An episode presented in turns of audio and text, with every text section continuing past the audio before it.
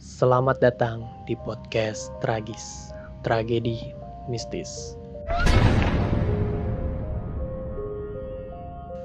Podcast ini menceritakan pengalaman horor dan juga fenomena mistis yang terjadi.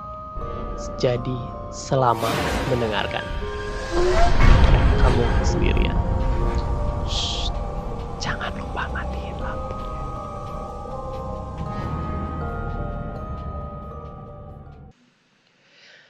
Hai, gue Adit. Nama gue ini merupakan nama samaran. Gue kuliah di salah satu institusi di pinggiran kota Jakarta. Kampus gue merupakan kampus yang terkenal pada masanya. Dan saat ini kampus gue sudah tergolong kampus tua. Oke, gue akan ceritakan sedikit pengalaman gue di kampus ini. Tahun 2019, gue masuk kampus.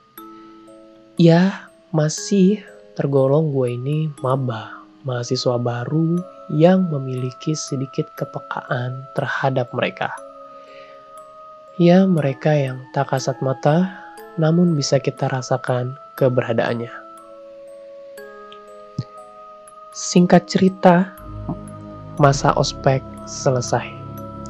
Gue mulai mengeksplor keliling kampus Perasaan gue sih biasa aja waktu itu. Tapi semua berubah semenjak gue melihat pohon beringin tua di kampus gue. Sekilas pohon beringin ini nampak biasa aja. Tapi jika kita memiliki kemampuan lebih, akan nampak tidak biasa aja. Suatu ketika gue menanyakan hal mistis apa saja yang pernah terjadi di kampus gue kepada penjaga keamanan kampus gue. Beliau menceritakan banyak pengalaman mistis yang terjadi di kampus ini. Mulai dari kursi yang suka bergeser dengan sendirinya, misteri kaca yang selalu pecah di kamar mandi lantai 4, sampai konon katanya tempat parkir motor dulunya adalah kuburan Cina. Penelusuran gue tidak sampai di situ gue berusaha mendapatkan gambaran mengenai sosok apa saja yang berada di kampus ini. Mulai dari browsing, tanya ke teman, sampai komunikasi dengan teman gaib gue. Jujur, rasa penasaran gue terhadap sosok yang berada di kampus ini sangatlah tinggi. Beberapa hari kemudian, gue masuk kampus. Saat itu gue kuliah pagi Sampainya di kampus, gue mengikuti kuliah seperti biasa. Seingat gue, pada saat itu gue berada di lantai dua. Gak lama setelah kuliah dimulai, gue kebelet ke kamar mandi. Dan gue merasakan suasana yang sedikit beda dari biasanya. Gue emang gak bisa lihat hantu secara fisik, tapi kalau merasakan sosok, pasti akurat. Sosok yang bisa gue rasakan pada saat itu adalah sosok kuntilanak. Kuntilanak ini bukan kuntilanak biasa pada umumnya.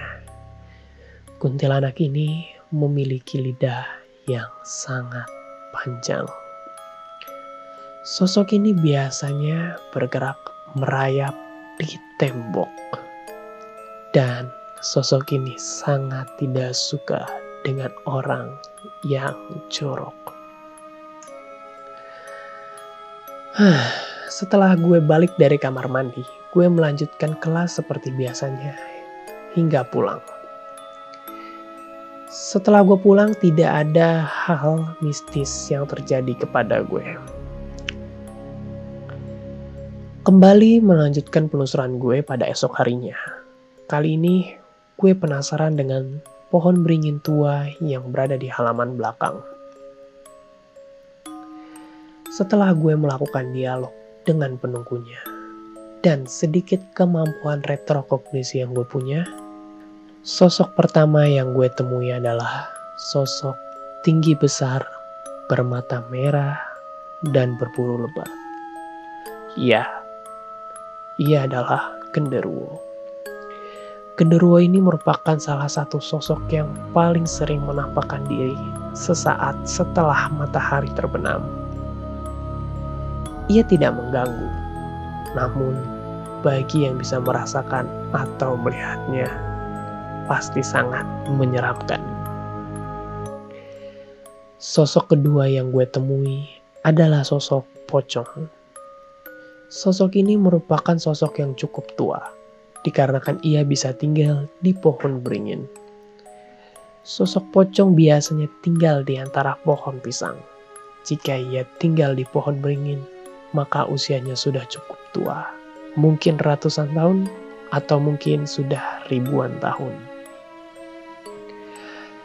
Sosok ketiga ialah sosok kakek tua, menggunakan pakaian serba putih.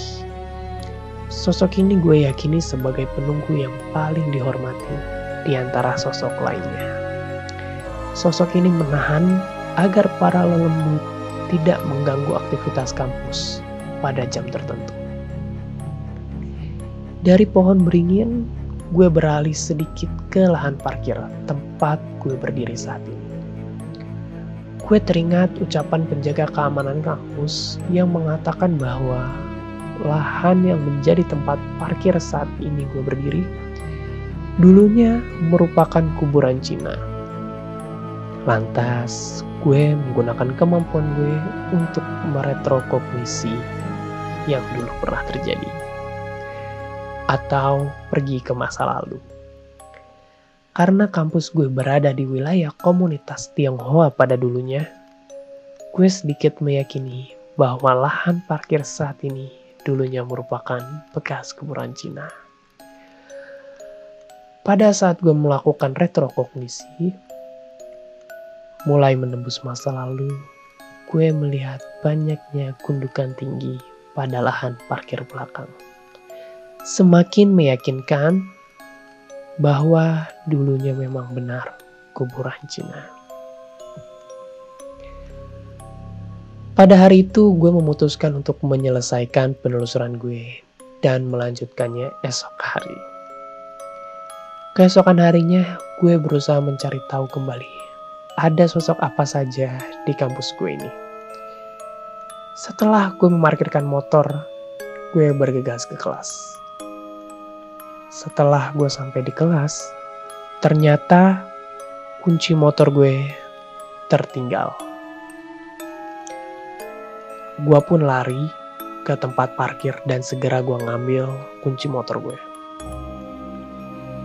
Dan gue mendapatkan gambaran bahwa itu bukan kali pertama mereka jahil kepada kita mahasiswa mereka suka iseng atau jahil kepada mahasiswa yang terburu-buru, banyak pikiran, dan sedang kosong. Well, gue gak mau lama-lama di parkiran karena kelas sudah memulai. Gue pun naik ke kelas dan melanjutkan mata kuliah sampai selesai. Kuliah pun selesai, kelas dibubarkan. Gue melanjutkan penelusuran kembali di sekeliling kampus ternyata ada sosok kuntilanak yang sedang berayun dari pohon ke pohon lainnya. Di kampus gue ini banyak pohon-pohon tinggi. Sepertinya itu pohon palem, kalau gue tidak salah. Kuntilanak ini berayun dari pohon palem satu ke pohon palem lainnya. Dalam hati gue berkata, wah ternyata banyak banget sosok di kampus gue ini. Gak lama gue pun pulang dan menyelesaikan tugas kuliah gue. Sejak hari itu, gue memutuskan untuk menyelesaikan penelusuran gue di kampus gue ini.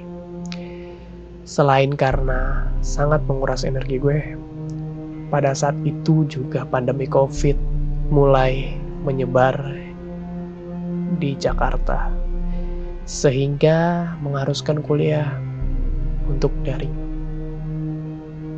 Gue nggak tahu ketika nanti gue masuk ke kampus gue bakalan seperti apa.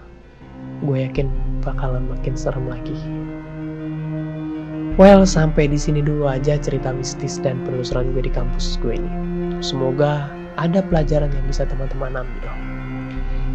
Nantikan kelanjutan penelusuran gue di kampus gue ini. Sampai jumpa. Terima kasih telah mendengarkan podcast Tragis, Tragedi Mistis. Nantikan episode kami selanjutnya di Spotify, Anchor, dan Google Podcast. Shh, kamu gak sendirian.